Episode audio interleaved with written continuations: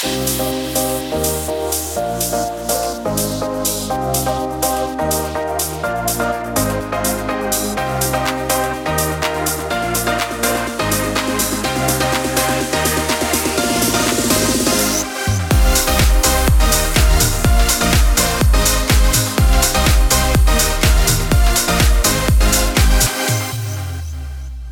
nu hörs vår gäst också. Ja, Vad toppen. Ja. Annars hade det bara varit du och jag idag Sandra. exakt. ja. Ja. Men eh, jag tänker, vi börjar om, tänker Ah, jag. Ja, lite där. Mm. Eh, nej men i dagens avsnitt så har vi med oss en väldigt speciell gäst. Ja. Som vi har velat ha med länge. Och eh, där handlar det om ett ämne också som vi ofta får väldigt mycket frågor om. Mm. Där vi kanske inte heller känner att vi alltid har de bästa svaren. För det är någonting som vi också jobbar med. Ja. Men idag har vi med oss Liselott Adsjö. Det stämmer. Som jobbar som KBT-terapeut. Ja, och par och familjeterapeut. Ja. ja. Välkommen, gud vad kul att du är med idag. Tusen tack. Jag är jätteglad och förväntansfull att få vara med här. Ja. Mm. Och det, det finns ju eh, hur mycket som helst att prata om Mm. inom det här ämnet. Vilket eh, du säkert också känner. För du har ju också erfarenhet av diabetes. Det stämmer. Ja, Du har en son med diabetes. ja Mm. precis. Eh, Jag har en son med diabetes och han debuterade när han var 13. Ja. Eh, Han fyller 28 i år. Mm. Eh, Så det är ju några års eh, föräldraerfarenhet som jag har. Ja, Mm. Mm. verkligen. Mm. Hade du liksom någon koll på vad diabetes var innan det? Nej, Nej. det hade jag verkligen inte. Nej. Nej. Nej. Vi, vi förstod inte alls vad, alltså, vad det var som hände med honom och i efterhand nu när jag kan lite mer om sjukdomen så kan man ju tänka att så här, det var kanske ganska liksom, tydliga signaler. Mm. Han drack väldigt mycket och kissade och, Mm. och eh, också gick ner, liksom, tappade väldigt, väldigt mycket vikt Mm. eh, på väldigt snabb tid. Mm. Eh, och vi sökte vård eh, men blev dessvärre feldiagnostiserade så det Oj. hann gå en stund innan vi eh, kom på rätt ställe och han fick sin diagnos. Okej. Mm. Men för att han var då i ett tidigt stadie till en början eller? Nej, Nej. nej. Men hur kunde det? Gud nu vart jag så. Hur Mm. kunde man? Hur missade man det? Ja, alltså jag tänker att när, när vi till slut kom till Astrid Lindgren eh, och de tog det här liksom, blodprovet eh, så var det ju väldigt tydligt. Mm. Väldigt, väldigt tydligt. Men då hade, ja, då hade man inte tagit det utan man hade missat det helt enkelt. Mm. Mm. Oj. Mm. Vad läskigt. Mm. Mm. Men bra att ni stod på er såklart. Mm. Eller Mm. det är klart symptomen går ju Mm. inte över. Eller så, Nej. ja. Nej. Ja. Nej och jag tänker för en person som också känner till diabetes sen innan så är ju symptomen så tydliga. Mm. För att alltså, Mm. alla får ju verkligen samma symptom oftast. Mm. Ehm, men när man inte har någon aning, alltså, Mm. det var ju samma sak för ens egna föräldrar. De hamnade ju helt i chock för de hade ju ingen aning om varför man var uppe och drack vatten och sprang och kissade och sådär. Så det är ju jättesvårt att, när man inte har någon erfarenhet av diabetes, att förstå.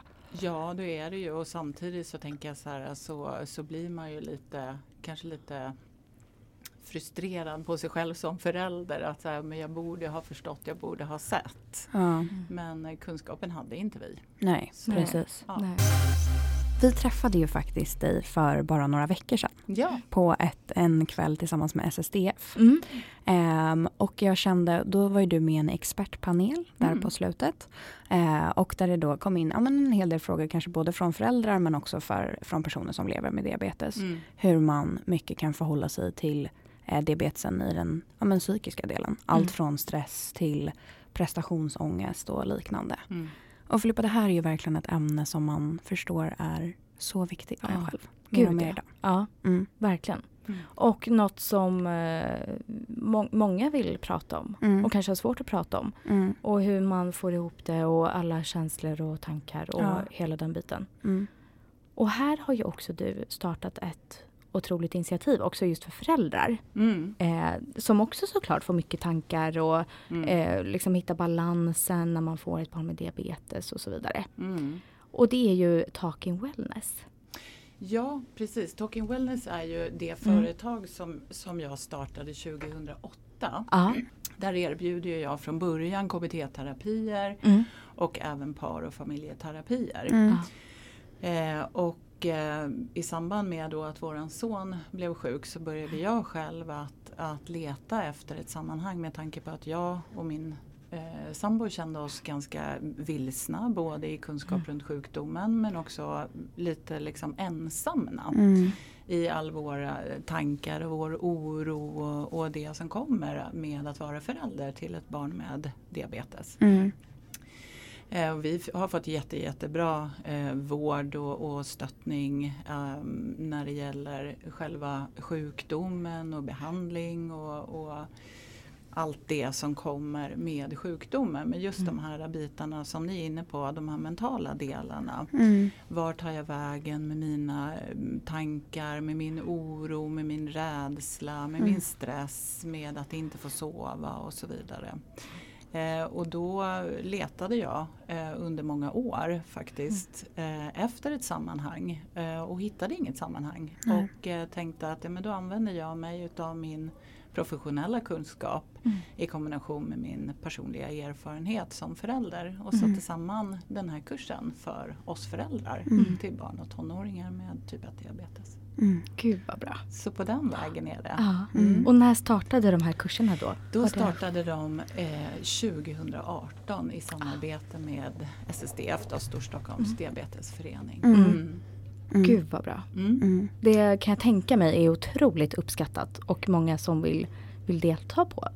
Ja, alltså den feedback som vi får Mm. eh, är ju att eh, man tycker att det ger mening, att man eh, hittar eh, andra med liknande erfarenheter. Man, man, eh, många brukar säga att alltså, det är så skönt att, eh, det här sammanhanget. Jag behöver Mm. inte förklara mig för att ni förstår. Mm. Och det är inte vi så vana vid utan vi kanske mer är vana vid att, att möta kanske myter eller okunskap eh, Mm. och då ja, kanske vi tystnar eller vi känner oss kanske lite ensamma och lite övergivna. Mm. Eh, och att då hitta till det här sammanhanget med personer som har liknande erfarenhet Mm. är ju otroligt liksom, hjälpsamt och eh, ja, för många mm, ett, ett vilsamt sammanhang Mm. där man också kan få tips, där man också kan känna igen sig i andra. Kanske våga dela och kunna dela på ett sätt som man kanske inte har så många andra runt omkring sig som förstår. Mm. Exakt. Så just det här att inte behöva förklara sig Mm. tycker jag sammanfattar väldigt väl Mm. liksom vad den här gruppen och kontexten ger oss. Mm. Mm. Mm. Verkligen. Mm. Men när då ni fick diabetesbeskedet, Mm. Eh, som du sa du att du inte hittade något sånt här forum. Mm. Blev ni erbjudna att eh, liksom, i, i samband med att din son blev sjuk Mm. att prata med någon liksom, via sjukhuset? Om du minns det? Jag, jag vet att vi fick träffa en dietist. Ja. Men jag är osäker på, jag tror faktiskt inte vi har träffat någon psykolog eller Nej. psykoterapeut. Mm. Jag kan inte riktigt komma ihåg. Det här är ju några år sedan också nu. Ja. Mm. Det är 14 år sedan. Eh, och eh, jag tror faktiskt inte det. Nej.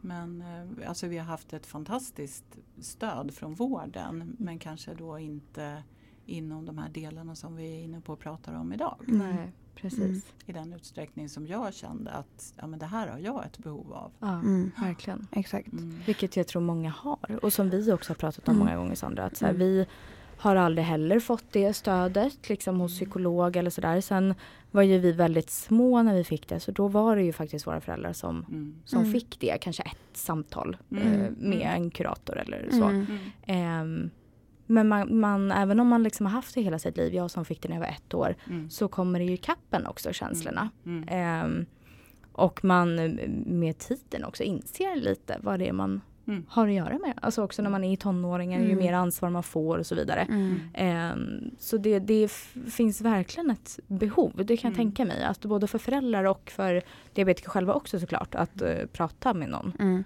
Ja, verkligen. Nej, men, och det kan jag ju säga, alltså, för jag har eh, gått i terapi av andra anledningar. Varav vi någon gång eh, liksom kom in på diabetesen och då, Mm. då var jag yngre. Mm. Men hade fortfarande då svårt att förstå vad, vad, vad, vad ska jag med det till? Eller Mm. liksom, alltså att ens komma till Mm. Alltså, eftersom att det kanske inte heller erbjuds, man pratar inte om det i vården. Det har varit så toppen med så många andra delar. Mm. Men man förstod typ inte heller hur mycket det också sitter psykiskt. Mm. Mm. Förrän man någonstans Jag vet inte, alltså, men också för att man då kanske inte pratar om den delen speciellt mycket. Nej. verkligen. Eh, och sen så nu en dag så är man äldre och så inser man hur mycket som sitter där och så har man kanske lite svårt att hitta verktygen för hur man ska hantera den delen. Ja, Mm. exakt. Mm. Men vad känner du att du möter mest hos de här föräldrarna som går på kursen? Är det just mycket, är det sorg mycket, är det oro? Eh, för jag får ju också en del frågor som jag hade den tonåren som jag hade. Så är det ju också en hel del frågor liksom hur ja, men man ska förhålla sig till som förälder eh, och att känna mycket oro och sådär. Mm. Eh, och sen tänker jag också med den tekniken som finns idag att man har sån jä- sjuk kontroll Ja. på vad barnen Mm. har för blodsocker och liknande. Mm. Mm. På gott och ont. Verkligen, Mm, mm. tänker jag. Precis, Ja. exakt. Eh, ja, jätte, jättebra fråga tänker jag och Mm. den är ju väldigt, väldigt stor. Mm. Jag tänker att många utav oss är otroligt trötta eh, utifrån att vi eh, kanske inte får sova på det sättet som vi hade behövt. Mm. Eh, jag tänker att vi har mycket oro i oss. Mm. Eh, vi känner oss många gånger väldigt ensamma. Mm. Eh, tekniken som ni är inne på, absolut super, super bra med ny teknik. Det gillar vi och samtidigt så den här möjligheten att kontrollera Mm. För oss föräldrar då som har lite grann utav de här tendenserna eh, att vi gillar att ha liksom koll, vilket vi såklart också ska ha. Mm. Men det finns ju alltid en balansgång. Alltså det är lätt också att det, att det blir som ett nästan litet beroende att jag går in och liksom kollar hela tiden och att det i sig kan Mm. stressa Mm. väldigt, väldigt mycket. Mm. Sen såklart en sorg Mm. Tänker jag. Ehm, också kanske en frustration över att man känner att kunskapen om ens barns sjukdom är så pass låg på ett generellt plan i samhället. Mm. Ehm, vilket gör att vi kanske får liksom driva många frågor själva. Eh, vilket också kan bli tungt, tänker jag. Mm. Ja, att, och med stress så kommer ju också, tänker jag, med tanke på att det är 24-7 så blir kanske den här bristen på återhämtning också eh, någonting som visar sig efter ett tag för oss. Mm. Eh, det finns en liten överrepresentation av utmattning Mm. eh, i de här föräldragrupperna. Eller, Ja. Alltså bland oss föräldrar. Ja. Mm. Men just det tycker jag med återhämtningen är ju väldigt intressant. För att Mm. jag förstår ju att en förälder till barn med diabetes tänker ju lika mycket på den diabetesen antagligen då som vi i vuxen ålder idag Mm. tänker på vår egna diabetes. Mm. Och det har ju vi kanske haft svårare att se för att vi fick diabetes i så tidig ålder. Mm. Men min syster då som är 30 och som precis har Mm. fått diabetes Mm. sa ju det att så här, jag kan ju aldrig lägga mig på soffan och bara chilla igen. Nej. Alltså jag kan ju aldrig gå ut på en promenad utan att tänka på det. Mm. Alltså hur, hur, hur ska man ens hitta den återhämtningen? Mm. Eller förstår du vad jag menar? För det är ju Mm. som du är inne på, den Mm. är ju så 24-7. Mm. Mm. Alltså hur, vart finns den återhämtningen? Alltså hur Mm. slappnar man av i det?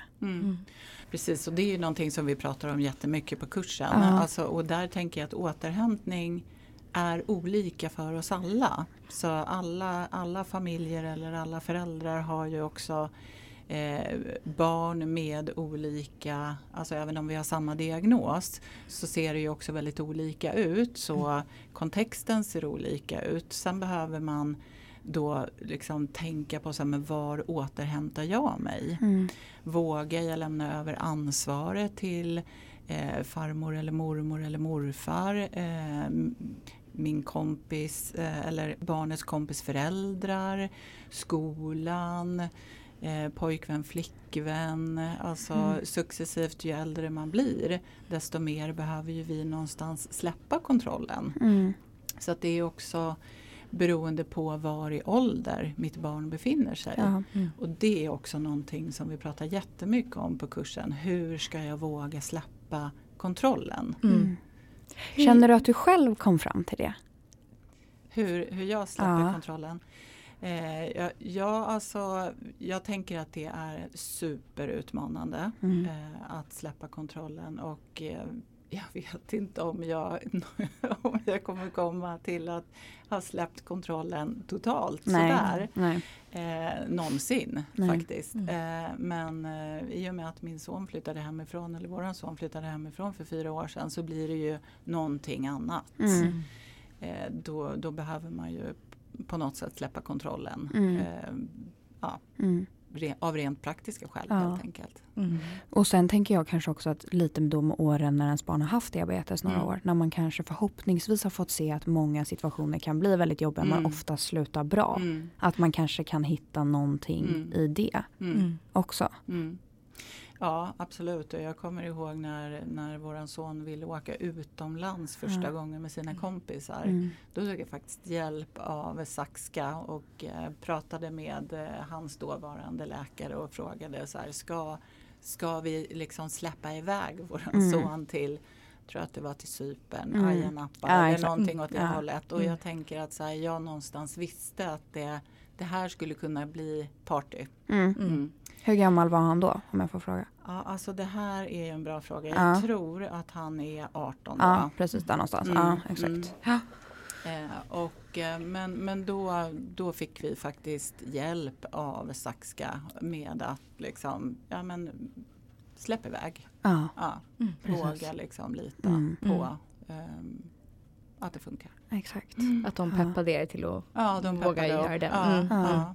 Eh, och, nej, men det, det var ju en sån här stor Mm. grej och också när han eh, flyttade hemifrån kändes ju Ja. också som en väldigt stor grej för mig. Mm. Då kan jag säga, då var jag väldigt skör Mm.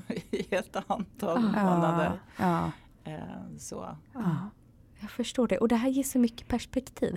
Jag blir alltid Ja. lika så, det är så intressant att prata med en diabetesförälder.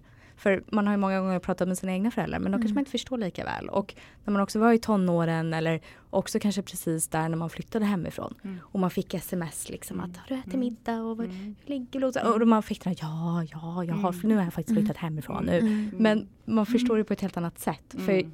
jag förstår hur jobbigt det måste vara också att Mm. släppa iväg sitt barn. Mm. När man också haft så stor kontroll och så ska man liksom minska på Mm. den. Det är ja, Mm. jättesvårt. Mm. ja, jag tänker att det är ju en utav förälderns stora utmaningar vilket vi också pratar om där på Mm. kursen. Ja, verkligen. Eh, så att ja men det är en stor bit. Mm. Ja. Och de här kurserna vill jag gå in Mm. lite mer på. Ja. Hur ser en kurs ut om man går på en kurs hos dig? En kurs eh, ser ut på så sätt att målet är ett hållbart föräldraskap utifrån det vi pratade om att vår, vår livssituation generellt, nu pratar jag för oss föräldrar, då, vår livssituation generellt är ju eh, påfrestande i den aspekten att det är stressande 24-7. Mm. Eh, vi kanske inte hittar till återhämtning som vi behöver. Eh, och eh, så fokus, det övergripande fokus är verktyg för ett hållbart föräldraskap. Mm. Mm. Eh, och eh, det, det bygger mycket på att gruppen, att vi ska känna oss eh, trygga med varandra. Så att jag lägger en del tid på att vi får lära känna varandra vid det första kurstillfället. Eh, och sen så brukar jag introducera, jag brukar kanske inte kalla det för föreläsning, men jag brukar introducera temat eller ämnet Mm. som eh, vi pratar om idag. Och sen så delar vi mycket med varandra. Mm. Eh, och beroende på vilken grupp och var vi befinner oss och vad vi pratar om så är det mer eller mindre utav delningar. Så i smågrupper så att eh, alla får komma till tals och sen så återsamlas vi och sen så brukar vi sy ihop liksom kvällen och summera tillsammans. Eh, och vi håller på mellan 17.30 till 19.30 då, så två timmar. Mm. Så tanken är att man ska kunna komma efter jobb Ja. och eh, vara med. Mm. Mm. Och hur många gånger, hur många tillfällen är en kurs? Ja, nu har vi kört, eh, senaste terminerna så har vi kört fyra tillfällen. Mm. Och sen så har vi också erbjudit en fortsättningskurs på två tillfällen. Ja. Mm. Mm. Gud vad bra. Och är det föräldrar då till barn i alla möjliga åldrar? Eller? Mm. Mm. Ja. Mm. Mm. Precis, och då kan det vara eh, precis vilken ålder som helst på barnet och också beroende på, alltså du är välkommen oavsett när ditt barn debuterade, om det är kort tid sedan eller om det är länge sedan. Ja. Mm. Så. Och det tycker jag brukar vara väldigt också härligt och väldigt hjälpsamt att då eh, om jag kommer som nydebuterad förälder så, så befinner jag mig kanske på en position och så kanske man träffar någon som, som jag eller som någon annan förälder som har kanske 14 års erfarenhet eller 15 års erfarenhet. Då blir det liksom hjälpsamt Ja. tänker jag på Mm. många plan. Mm. Åt båda håll. Mm. Mm. Verkligen. Ja men för det måste se så olika ut också som förälder. Alltså nu beror det såklart på också såklart när barnet då i vilken ålder barnet får diabetes och sådär. Men att en del är att ha småbarn kanske med diabetes och där är det ju en oro i att barnet inte kan uttrycka eller känna och liksom Mm. så. Och sen finns det ju en annan del i att gå in i puberteten om man blir tonåring och börjar dricka alkohol. Mm. Det är så många olika stadier. Mm. Eh, så att även Mm. om, om man har ett barn som får det tidigt så går man igenom så mycket. Mm. Och sen då till slut kanske då komma till att okej nu måste jag släppa kontrollen. Mm. Mm. eh, för Mm. att mitt barn nu måste liksom börja ta hand om det själv och man liksom frigör sig. Mm. Precis och, och jag tänker så här det finns plats för alla åldrar eh, Ja. och det är gynnsamt för oss alla att dela. Även om jag har ett litet barn att kanske prata med en förälder som har en, en, ett barn med, som är tonåring Mm. så blir det ofta väldigt kraftfulla och gynnsamma och, och ja, men bra samtal. Mm. Och jag tänker just på det här med tonåringar. Eh, just där finns det ju, tänker jag, också ett jätte, jättestort behov hos oss föräldrar runt ganska specifika frågor också eh, i det här. För det ser ju annorlunda ut om du har ett litet barn. Då, då har ju du hela kontrollen själv. Mm. Successivt så ska du börja släppa kontrollen. Och det är ju också barnets egen självständighet och barnets egen utveckling. Du var inne på det här med att så här, man, man blir lite trött på sina föräldrar. Så här, ja, Mm. jag har alltså på de här frågorna. Ja. Så.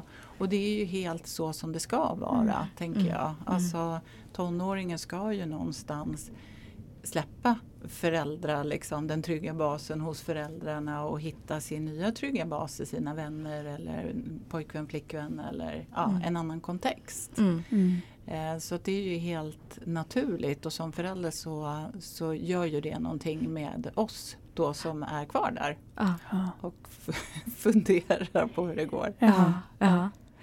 Ja men alltså och den alltså situationen, för som sagt jag får ju den frågan kanske en del då. ehm, också, och jag har ju fortfarande än idag så här, vad hade min mamma kunnat göra annorlunda i den åldern? Mm. Och jag tycker ju fort, eller min mamma, båda mina föräldrar, men Mm. eh, jag bodde mest hos min mamma. Mm. Ehm, och, att, och jag tycker att det är en så svår fråga att svara på. För jag tror inte ens jag än idag vet, även i vuxen ålder när jag kan titta tillbaks på det, Mm.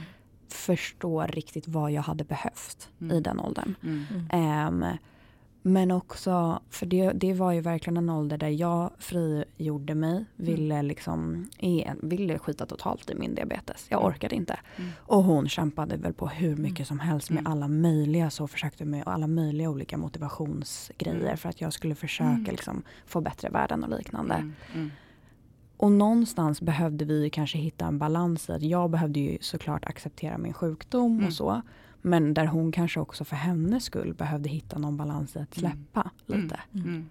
Vad säger man till en förälder i den situationen? Alltså Mm. det är ju en så svår... Mm. Alltså, och jag känner ju själv det. Jag har än idag så svårt att svara på det. Alltså så, vad hade jag Mm. behövt? Eh, och mitt bästa svar har ju alltid varit ha tålamod. För Mm. till slut så kommer jag till den insikten själv. Mm. Men jag förstår ju hur jobbigt det måste ha varit för min mamma. Mm. Och det, där tänker jag också ur ett, ur ett liksom utvecklingsperspektiv så är det ju också så att hela hjärnan hos oss människor håller på i princip att byggas om under tonåren. Så att tänka konsekvenser, att, att kunna liksom eh, planera, det kommer, ju, det kommer ju faktiskt lite senare i livet. Så som, som vuxen så kan man ju stå bredvid och vara frustrerad över Ser du inte konsekvenserna av hur du beter dig här? Mm. Men det är ju faktiskt så att nej, det kanske jag inte riktigt har tillgång till fullt ut som tonåring. Och det behöver man också, tänker jag, påminna sig om. Mm. Ehm, och i den aspekten så är det nog, tänker jag, kanske klokt att fortsätta såklart att finnas där som förälder. Men att ibland också backa lite grann. Ja. Eh, därför att jag tänker att samtalet bygger ju på att båda vill samtal. Mm. Mm. Och om jag känner mig pressad utav någon oavsett ålder, tänker jag, eh, som jag inte riktigt är eh, sugen på att kommunicera med. Då, då är det liksom en, en ganska svår startpunkt. Mm. Mm. Exakt. Hur, kände, hur kände du sen när din son åkte iväg på den här resan? Nu tycker jag det är så intressant Mm. att få föräldraperspektiv. Ja. Ja. Alltså, ja, det var nog en av mina stora eh, utmaningar. Mm. Jag tyckte att det var så eh, utmanande. Mm. Jätte, jättejobbigt. Kände han den oron när han åkte? Eh, om han kände min oro? Nej, nej, utan mer om han själv kände eh, alltså oro själv över diabetesen Mm. och att åka iväg. Mm, nej, det tror jag inte. Nej, Nej, nej. nej. Mm. Nu har han varit väldigt lyckligt lottad med att ha många bra liksom, kompisar runt Mm. omkring sig som har varit införstådda med hans diabetes. Så det har ju varit en trygghet, tänker Mm. jag.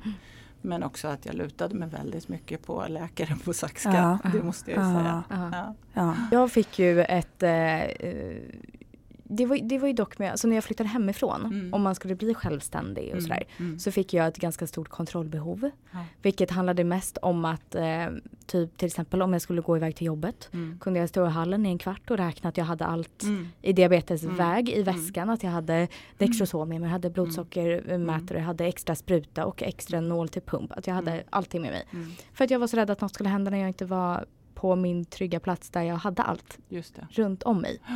Eh, jag ringde gärna min syster eller mamma för att Mm. också jag ville att någon skulle höra när jag berättade att jag hade med mig Mm. allt. Mm. Ehm, och det var väl ett sånt kontrollbehov. Jag tror inte jag fick så stort kontrollbehov att jag liksom skulle ligga perfekt i blodsocker.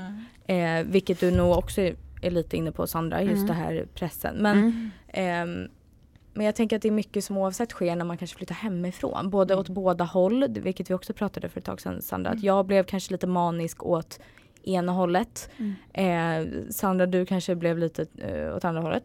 Ja men alltså verkligen. Ja. Och jag tror att min grej för att hantera det har ju kanske snarare varit medan du har kollat tusen gånger Mm. så har jag kollat en gång för lite Mm. och sen Mm. hoppas att allt löser sig. Mm. Och sen har det ju tur nog, men på ett sätt kanske lite dåligt också, alltid löst sig. Mm. Det är klart att det har varit jättebra. Mm. Men det har ju också gjort att jag kanske har haft svårt att lära mig att liksom ta över den här strukturen som Mm. kanske min mamma hade med att hämta ut nytt Mm. insulin i Mm. tid och så Mm. vidare. Exakt. Mm. Eh, men jag tror att det har varit mitt sätt lite att överleva Mm. sjukdomen. Mm. Helt ärligt. Mm. Överleva att jag har sjukdomen och orka leva med den tanken. Ja. Mm.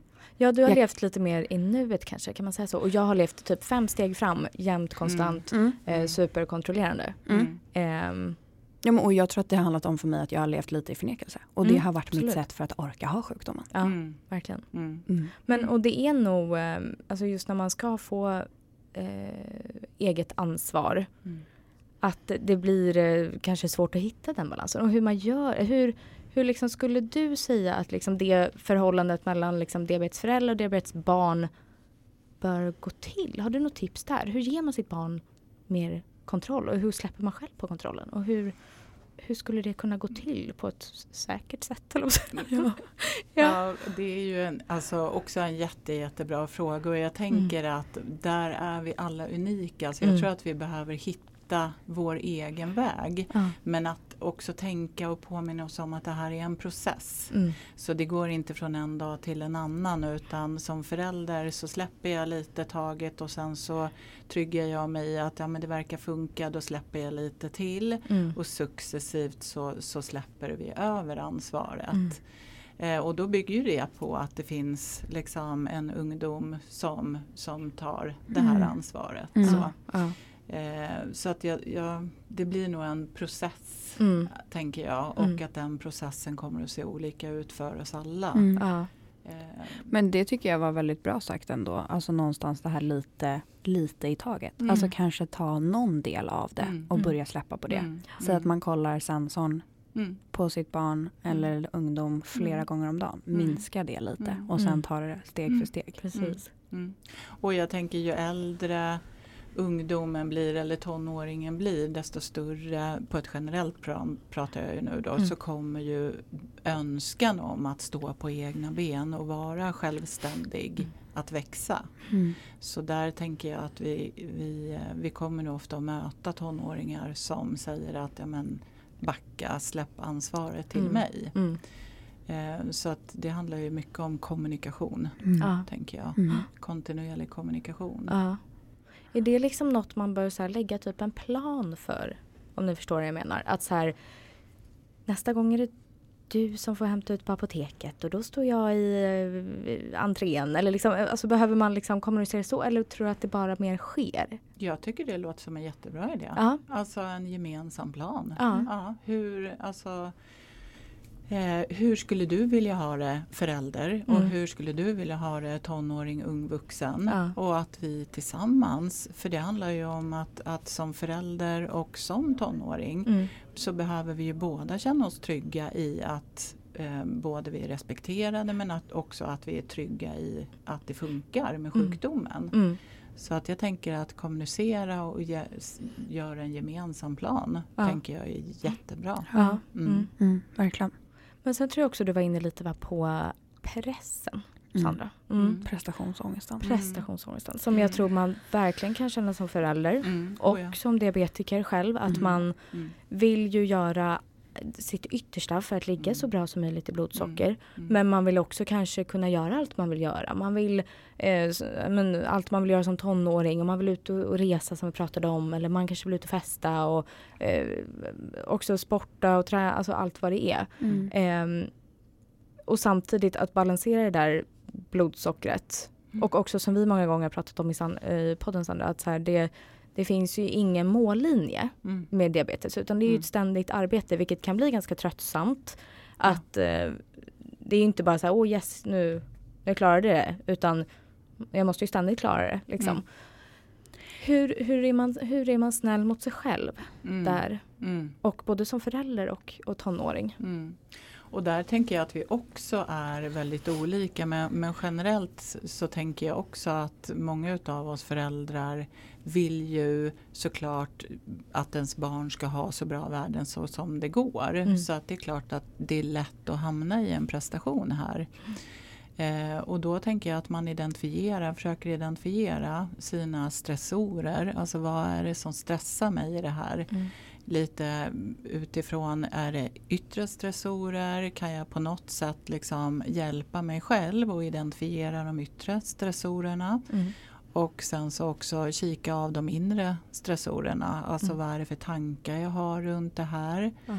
Och vad är det för känslor jag har runt det här? Mm. Och nu jobbar ju jag då eh, med, utifrån en, en KBT-metod som heter Acceptance and Commitment Therapy. Mm. Eh, och där jobbar vi då med eh, någonting som kallas för diffusion när det gäller tankar. Att eh, hitta ett förhållningssätt till mina tankar.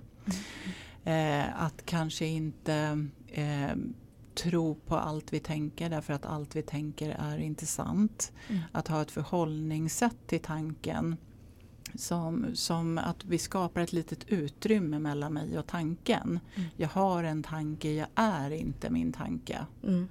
Alltså skillnaden Mm. där med att så här, okej, eh, det här kommer gå åt pipsvängen. Det behöver inte betyda att det är sant. Nej. Utan jag kan titta på tanken och se så här, okej, kan jag förhålla mig till den här tanken på något annat sätt? Mm. Och när det gäller känslor så, så jobbar vi ju mycket med att acceptera att säga ja, jag är rädd Ja. och jag gör det.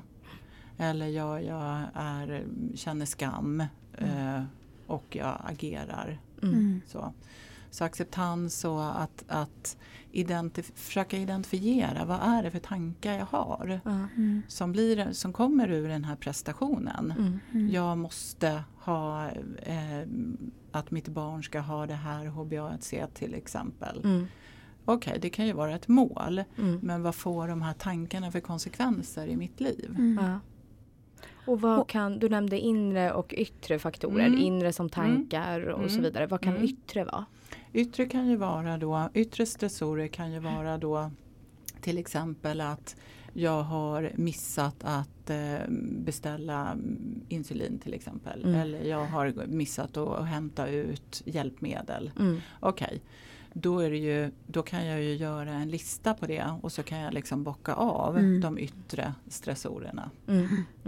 Så det är ju det är mer de här hand, ja, Mm. saker man egentligen skulle kunna skriva upp på en lista och bocka av. Mm. Medan de inre stressorerna är ju då tankar och känslor och Mm. hur jag kan jobba med dem. Mm. Mm. Hur jag kan möta tankarna eh, på ett annat sätt och känslorna på ett annat sätt. Gud det är så intressant. Mm. För att jag, en själv är ju, jag är en person som har väldigt mycket i mitt huvud. Mm. Kanske inte, Filippa jag kommer att hålla med, kanske inte alltid jätteduktig på att dela det. Men har väldigt mycket i mitt huvud. Mm. Och jag kan tycka då om jag ska förhålla det till diabetesen. Alltså jag tänker ju otroligt mycket Mm.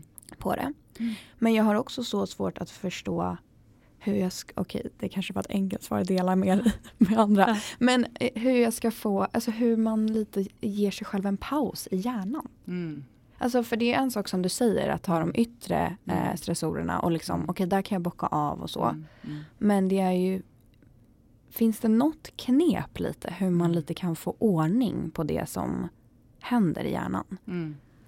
Ja, alltså, jag önskar ju att man skulle kunna säga att så här, ja men alltså gör så här och så här. Eh, det jag brukar eh, jobba med det är ju att, att i och med att vi identifierar vad tanken är, kanske skriver ner tanken, kika på den, förhåller mig till den på ett annat sätt. Eh, så skulle det kunna Mm. någonstans kanske göra att det, det lugnar sig lite grann. Ja. Sen är ju det så att våran hjärna är ju producerad, eller den finns ju där eh, för att skanna av eh, och upptäcka hinder och faror. Så den är ju inställd på eh, läget, kolla om det är en, en tiger som ska äta upp oss. Mm. Så. Eh, nu har vi ju inga tigrar här som kommer att äta upp oss Nej, eller lejon. Nej. Eh, men våran hjärna funkar fortfarande så. att Den är ju inte gjord för att vi ska ha det nice och liksom pausa utan den producerar kontinuerligt tankar. Mm. Det går inte att inte tänka. Nej, Och det är Men- synd. Nej. ja det är synd. Men då har jag en till fråga där. Ja. För det känns ändå, det känns ju som att vissa har enklare för det än andra. Mm. Är det bara lite då kanske hur man fungerar själv? I att kanske att man är en person då som kanske lätt övertänker eller liksom spinnar vidare på det. Eller mer att man kanske inte riktigt har hittat ett sätt då att förhålla sig till. Alltså jag tänker att vi alla är unika. Ja. För vissa utav oss så kommer det liksom att vara ett ganska högljutt brus. Men jag tänker att andningsövningar, meditation, eh, att identifiera vad det är jag tänker. För tanken får ju ofta också en konsekvens i en känsla. Mm. Så tänker jag en utmanande tanke så kanske jag också blir rädd. Mm. Och då, då, kommer, då, då är liksom snurren lite grann igång. Så att det gäller att identifiera vad är det jag tänker Mm. och jobba med tankarna. Mm. Eh, sen, sen är det ett pågående brus där. Mm. Lite så. Mm. Eh, Exakt. mm. Men meditation Sandra, är det något du har testat? Eh, nej, men eh, min, familj är det populärt. Ja. Mm. Vi är ju lite lika. Men eh, jag har inte riktigt kommit dit än. Eh, Finns det liksom, eh, det, det vet man kan hjälpa eller mot stress? Eller vet så och det, vet, finns det- Ju, det finns ju många saker tänker jag som, som skulle kunna vara hjälpsamma utifrån det vi pratar om. Men andningsövningar, Mm. Eh, jag vet inte, jag tänker så här, ja men bara att stilla sig. Mm. Mm. Att ta sig in i eh, det som jag brukar kalla för grönt system. Där vi liksom pausar så mycket som det går utav det som eh, rör sig runt omkring oss. Mm. Eh, vi pratade ju förut om det här med återhämtning. Var hittar jag min återhämtning? Mm. Och att lägga lite liksom, tid på att fundera på så här, men vad är det för mig då? Mm. Är det att, att liksom ta mig ut i skogen och sätta mig liksom och bara kika bland träden? För någon är det svaret. Ja. För någon annan så är det att, att liksom hitta till hängmattan eller för någon tredje så är det att ta det här egna varvet runt huset eller runt kvarteret. Så Mm.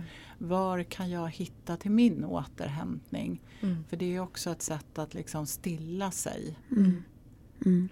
Exakt. Mm. Mm. Och många gånger så är det ju så att när vi börjar tänka någonting så, så kommer det nästa tanke och så, så, liksom, så spinner vi iväg. Så att, att försöka identifiera vad är det jag tänker här då? Mm. Mm. Ja, jag tyckte också det var väldigt in, eller det är intressant att så skriva ner. Mm. Ehm, och bara få ut det kanske ur Mm. hjärnan och sen kanske jobba lite kring den känslan. Mm. Mm. Och kanske försöka identifiera då hur, Mm. hur riktig är den, vad är det för någonting och så vidare. Mm. Mm. Mm. Intressant. Mm. Jag hade ju också mm, kanske en motsatt grej. När jag har eh, gått och pratat med eh, psykolog och terapeut och så över mitt kontrollbehov, då fick ju jag liksom en halvtimme per dag där jag fick tänka på alla mina jobbiga tankar. Mm. För att sen försöka släppa det. Mm. Tycker du att det funkade? Ehm, nej, jag vet inte om du gjorde det. Nej. Det kanske, jo men kanske till, till viss del tror jag att jag kunde slappna av lite, Mm. Mm. lite mer. Ehm, men det, det är kanske också att både då få in på något sätt en halvtimme där man låter sig tänka då. Mm. Och också en halvtimme här och där där man försöker att inte Mm. behöva tänka. Ja, och sen, alltså, men sen måste jag ju säga att diabetesen är ju helt ärligt rent ut Mm. sagt alltså, skitsvår att förhålla sig till. För Mm. det är ju som du det. var inne på Filippa. Mm. Alltså, en, alltså, som jag själv gillar att hantera saker, jag gillar att hantera det och sen vill jag lägga det bakom mig. Mm. Jag vill gärna göra det snabbt och sen så Mm. iväg. Nu har jag bockat Mm. av det, nu har jag bockat av det. Ja. Och diabetesen går ju aldrig att bocka av. Nej, precis. Aldrig. Ehm, så det är ju något man vet att man hela tiden Mm. kommer fortsätta med. Mm. Mm. Och det är ju en ganska, det är en väldigt svår känsla att förhålla sig till. Ja, jätte. Mm. Men det är ju det man, vi brukar prata om ibland också, att det känns som att man springer ett, ett eh, lopp Mm. men det finns absolut ingen mållinje. Mm. Och Mm. det, det kan ju både vara liksom motiverande att bara springa på men också väldigt omotiverande ibland att så här, Mm. hur ska jag orka Ja. springa det här loppet på en Mm. evighetstid? Mm. Mm. Det, så ja, jag, jag förstår verkligen vad du menar Mm. Sanna. Det är jättesvårt. Mm. Och kanske också att tillåta sig eh, precis det som du är inne på. Att så här, ja, men det här är liksom just nu så tungt Mm. att springa på det här loppet. Det, och det är okej att jag känner så. Ja, Mm. Mm. verkligen. Ja, och där pratade vi om återhämtning. Men sen vet jag också att vi den kvällen eh, när vi träffades då på SSDF-kvällen Mm. eh, så fick vi, eller du fick in en liknande fråga. Mm. Eh, och då använde du ett uttryck som jag inte kommer ihåg exakt vad du sa nu. Men just när det handlade om den här pressen och prestationsförmågan. Det handlade om att liksom eh, man behövde inte vara nöjd bara för att man fick till det perfekt. Jag kommer inte ihåg exakt vad det var du sa. Var Men- det good enough? Ja, Mm. ja. Mm. För det kände jag eh, också var en sån grej som bara, ja, Mm. alltså man måste verkligen börja tänka mer så. Ja. Mm. Men det är ju svårt alltså, kring diabetesen om man vill ligga 100% inom målområde och Mm. liksom så. Ja. Mm. Men att hitta det, att så här, vad är good enough? Och Mm. att, att kanske att jag eh, ja, men lyckades med en av de grejerna Mm. idag. Mm. Mm. Precis. Ja. Och då får man vara glad över det mm. och stolt Mm. över det. Mm. Mm. Mm. Verkligen. Mm. För det kommer inte vara perfekt varje dag. Nej. Nej. Precis, och det var väl ett genomgående tema under den Mm. kvällen att vi Mm. kom tillbaka till just det här med liksom att, att tänka om sig själv som Mm. good enough Mm. eh, när det gäller liksom, våra prestationer. Mm. Eh, för många gånger när vi hamnar i den här prestationssnurren, eh, om jag Mm. kallar det för det, så, så leder ju det till stress. Ja, Mm. exakt. Och där, där kan vi vara ett tag men sen behöver vi ta oss in i vila och återhämtning. Mm. För vi, vi är byggda för kort stress. Vi ska klara av att liksom springa härifrån eller slåss. Eh, men sen behöver vi också ta oss in i ett annat system där vi får lugn och ro. Mm. Mm. Och där kroppen kan liksom reparera och där vi får återhämtning. Ja. Mm. Verkligen. Mm. Och det är väl det tänker jag som är utmanande Mm. med diabetesen. Mm. Verkligen. Något vi också, eh, som jag tror, alltså bara eh, vi emellan pratade lite om på Mm. SSD-kvällen var ju Mm. också eh, något jag kanske inte har tänkt så mycket om. Eh, men det är ju också relationer liksom i familjen som sker. Och också kanske mellan mam föräldrar. Mm. När man får ett barn som blir, blir sjukt. Det blir mycket Mm. fokus på det barnet. Mm. Kanske också syskon Mm. eh, som kanske hamnar lite i liksom skymundan där i början Mm. när allting handlar om att anpassa sig till ny livsstil och, och en ny sjukdom och så vidare. Mm. Hur får man liksom familjesituationen att, fu- att fungera eh, med, med alla parter? Mm.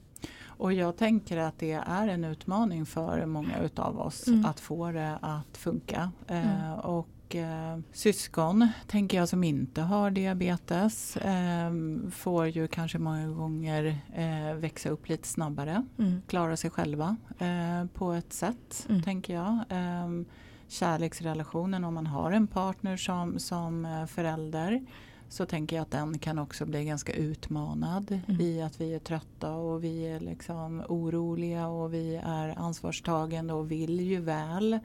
Men att vi kanske tappar bort varandra och, och vad vi som, som föräldrar och, eller som kärlekspar hade många gånger kanske behövt. Mm. Så det är ju en ganska komplex Ja. situation tänker jag, en komplex fråga. Mm. Eh, men jag tänker kommunikation. Ja. Alltså att prata om hur vi har det. Mm.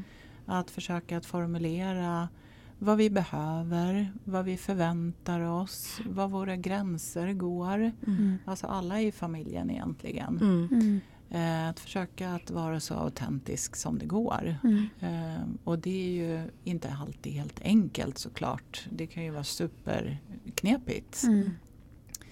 Eh, men just för att, att förstå varandra. För vi kommer alltid att tolka eh, världen olika. Vi Mm. kommer alltid att se på Även om vi är med om samma sak så tänker jag att när vi går härifrån idag så kommer vi ha tre helt olika bilder av hur, hur det här var. Mm. Mm.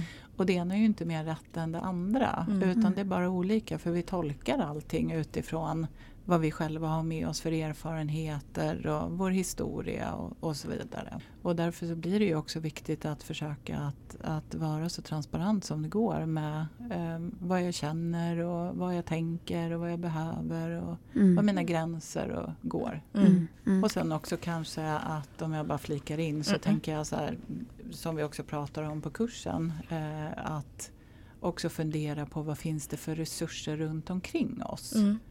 Eh, finns det personer som jag har tillit till som jag skulle våga liksom, be om hjälp Ja. eh, Mm. hos? Mm. Så Mm. att eh, jag också som förälder då, nu pratar jag utifrån föräldraperspektivet nu, Mm. men att jag också kan kanske backa hem och återhämta mig. Mm. Men, och det där måste jag säga, där tycker jag också att det är svårt än idag. Eh, nu lever inte jag med någon just nu, men eh, också hur mycket man... Eh, jag kan ju mycket känna att min diabetes är mitt ansvar. Mm. Mm. Och jag kan ha, tycka att det har varit jättesvårt i relationer hur mycket jag ska... Mm. Eh, alltså hur mycket det läggs på oss båda i Mm. en relation. Mm. Eh, och hur mycket som... Eh, ja men, ja, jag vet inte. Det är, en, alltså, det är väldigt svårt från båda håll tror jag egentligen Mm. också. Ja. Ja. Absolut. Ja, det är mycket tankar. Ja, Ja. Vi ställde också ut, ehm, eller bad eh, våra lyssnare skicka in lite frågor Ja. inför dagens inspelning. Mm. Det är någon då som har ställt in frågan hur man hanterar sömnproblem och stressen som Mm. förälder. Mm. Stressen har vi varit lite inne på, eh, men just sömnproblemen då Mm. också. För det är ju ett faktum och det, det går ju också att känna igen sig som en eh, diabetiker själv också ju. Mm. Det är ju många uppvak liksom, Mm. per natt. Mm. Ja, och då tänker jag så här att då tolkar jag frågan som att, att det är en störd liksom, nattsömn. Mm. Ja, Ska vi tolka det? ja, så tolkar vi det. Mm. Precis, och då tänker jag så här, lever jag i en relation? Kanske vi kan dela på nätterna? Ja. Eh, eller det som jag var inne på tidigare, att känner jag att jag, liksom, att jag börjar att tappa orken och att jag inte riktigt orkar Mm. att fundera eh, vad finns det för resurser runt omkring oss Mm. Mm. som skulle kunna hjälpa till. Mm. Ibland brukar jag dra den här eh, metaforen utifrån eh, när vi sitter som förälder, alltså föräldraperspektivet nu. Mm. Eh, när vi åker flygplan så, så säger de ju alltid att vi ska sätta på oss syrgasmasken själva först Mm. Mm. och sen ska vi börja hjälpa andra. Lite metaforiskt så tänker jag att som förälder så behöver jag också vara noggrann med att försöka i möjligaste mån att fylla på mina resurser Mm. för att kunna bistå mitt barn. Ja. Verkligen. Och jag tror också verkligen det här som du är inne på att man får dela, om man har en partner då, man är Mm. två i det, att Mm. man kanske då tar varannan natt. Mm. Eller liksom, ja. Mm. Så man i alla fall får lite sova och slappna av någon gång och veta Mm. att någon annan har Mm. hand om Mm. det. Mm. Mm. Eller Verkligen. om någon är, är, ja men jag är mer morgonmänniska, jag är mer Mm. kvällsmänniska. Ja Precis. men då kanske man kan dela upp det så att man är vaken någon del och sen så tar den andra över. ja. Så. Ja. Exakt, Mm. verkligen. Eh, Vi har också fått, det här har vi varit inne på eller börjat prata lite om, men hur ska man landa i att man har en obotlig sjukdom? Mm. Fick besked i februari, gråter väldigt ofta. Mm. Mm. Mm. Och jag tänker att, att det, är, det är ju också att, att helt begripligt, tänker jag. Och vad blir det för mig? Eh, alltså hur blir det för mig då som individ? Mm. Att fundera på vad, vad innebär det för mig? Vad är det för tankar jag får utifrån det? Vad är det för känslor jag får utifrån det? Och att därifrån försöka att liksom hitta verktyg för att hantera det. Jag tänker att det är ju en sorg. I Mm. min värld är det en sorg. Mm. Ehm, som, som kan innehålla många olika känslor och väldigt, väldigt många olika tankar. Mm. Och där tror jag vi alla är unika. Och den är ja, jättesvår. Alltså också om man liksom ur ditt och mitt perspektiv Sandra, vad man liksom skulle säga till någon. Som blir, det är ju extremt Ja. svårt att eh, jag, tror, jag tror också mycket tid, Mm. alltså att det ger sig lite med tiden vilket kanske är, man absolut inte vill höra när man gråter ofta och mår Mm. jättedåligt. Men jag tror kanske också att ju mer situationer man får testa, som också du var inne på Sandra förut, och Mm. man känner att det går bra, att man liksom man får väl, det blir ju lite kanske en, en stegvis eh, testa sig fram Mm. metod. Ja. Mm. ja men, och sen tänker jag det vi var inne på också innan att alla känslor någonstans måste få ta plats och att det Mm. kommer Mm. gå upp och ner. Mm. Det är ju en obotlig sjukdom. Vi Mm. kommer leva med den hela livet. Mm. Och det är inte konstigt då att vi är ledsna upp och ner Nej. under Nej. livets gång. Nej. Tänker jag. Verkligen. Eh, men sen som du också är inne på Liselott, att vi alla är unika, hanterar olika. Mm. Ehm, och, ja, men, och alla sätt är väl okej men att man någonstans måste hitta det som eh, ja, men kanske fungerar för en själv då kring sina känslor och sin acceptans. Mm. Och jag tänker lite där också att, att just det här med, med sorg och ehm, att men kanske försöka hitta någon eller några personer som jag kan igen och igen eh, prata med. Mm. Och liksom verkligen få berätta och känna och återigen att få liksom berätta min historia och mina tankar. Mm. För det kan också vara ett sätt att liksom bearbeta och ett sätt att, att eh, ja, men hela helt enkelt. Mm. Mm. Exakt. Mm. Mm. Verkligen. Ja, verkligen. Och ja, verkligen som du säger också kanske hitta där, det kanske bara är några få personer som man liksom trivs med och som man känner också kan möta det på ett bra Mm. sätt. Mm. Mm. Precis. Mm. Mm. Ja, någon man har tillit till. Ja, verkligen. eh, som, man, som man vet Mm. är Verkligen. kvar. Mm. Men jag går vidare. Mm. Ehm, ja, det är ingenting som du kan svara på. Men det, då har vi en fråga. Varför erbjuds inte hjälp av psykolog när man insjuknar? Men då om man vänder på det och istället frågar. Tycker du att det borde erbjudas psykolog när man insjuknar? Det tänker jag absolut. Ja. Ja. Mm. Ja. Ja. Ja, ja, nej, jag, jag vet inte faktiskt varför det inte erbjuds. Eh, Men jag tänker att det, det är ju en stor livsomställning. Mm. Eh, Och jag tänker absolut. Mm. Mm. Ja, för vi har pratat om det en hel del också. Att man, det kan vara svårt att våga ta den platsen eh, Mm. på sjukhuset. Mm. Men och, att, och också ett sånt läge jobbigt att behöva fightas om det själv. Mm. Eh, men jag tror ju att den här delen är så viktig och det är så viktigt att få prata om det och bearbeta det om man behöver den Mm. hjälpen. Mm. Gud ja. Mm. Och att det är väldigt många som känner så här kring sjukdomen. Ja, och verkligen. att man inte Alltså att man inte ska glömma det. För att Mm. jag tror att eftersom man inte pratar om det kanske så direkt om den delen i vården så tänker man att man kanske inte borde känna så här eller varför Mm. känner jag så här. Ja.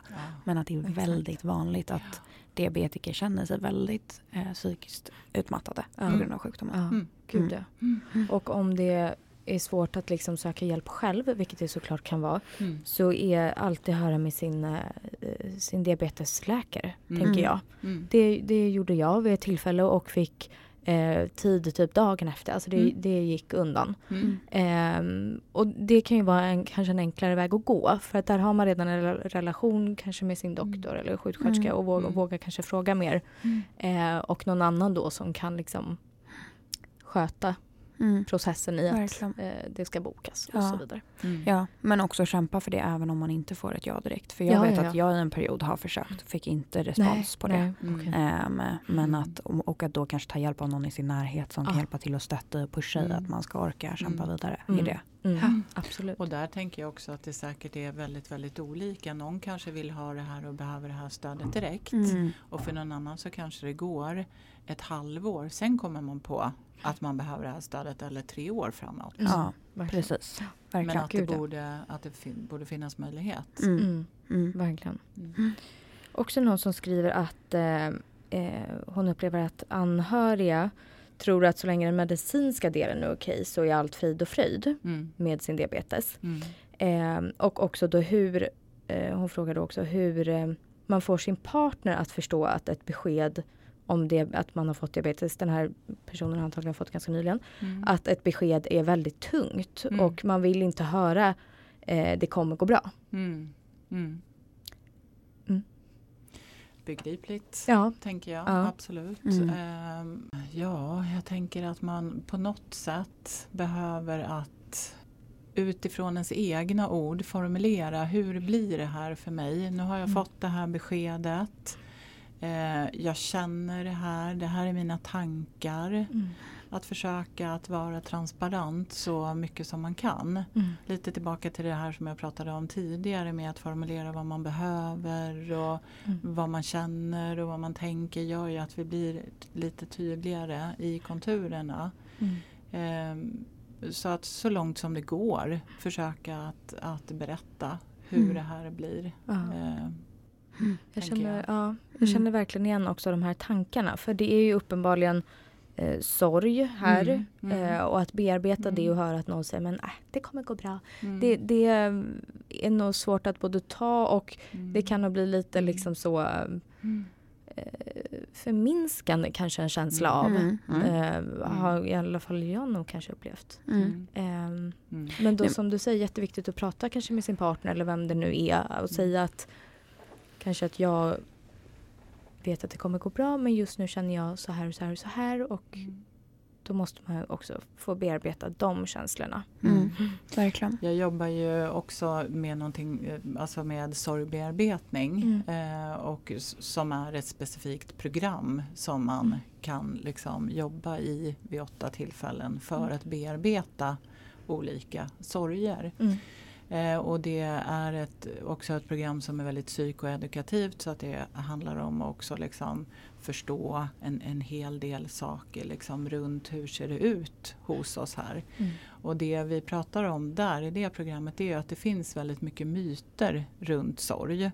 Och du är inne på en här då att så här, Mm. men tiden kommer läka alla sår och det Mm. kommer gå över. Och många gånger så när vi som är i sorg försöker att förmedla oss till andra så möts vi kanske utav den här typen utav svar. Ja.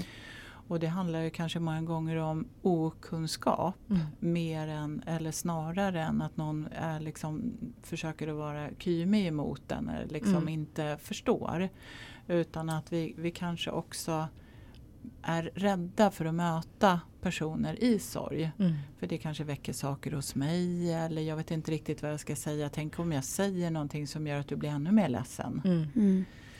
Mm. Mm. Eh, Så att vi, vi är lite otränade i på ett generellt plan att möta människor i sorg. Ja. Och då blir de här myterna väldigt starka. Mm. Mm. Eh, Så att just sorg tänker jag handlar ju om att, ja men, tänker jag, att, att hitta en person eh, som står kvar Mm. och att jag får berätta min historia och det jag har varit med om och det jag känner igen och igen. Mm. Mm. Det finns något läkande i det. Ja. Mm. Det tyckte jag var väldigt intressant. Ja. Hur ska man bemöta, hantera andras fördomar och okunskap? Mm. Jag går ju in i någon så här, nu ska jag lära upp mode Ja. och berättar gärna i timmar om Mm. så krävs Mm. om allt vad det innebär.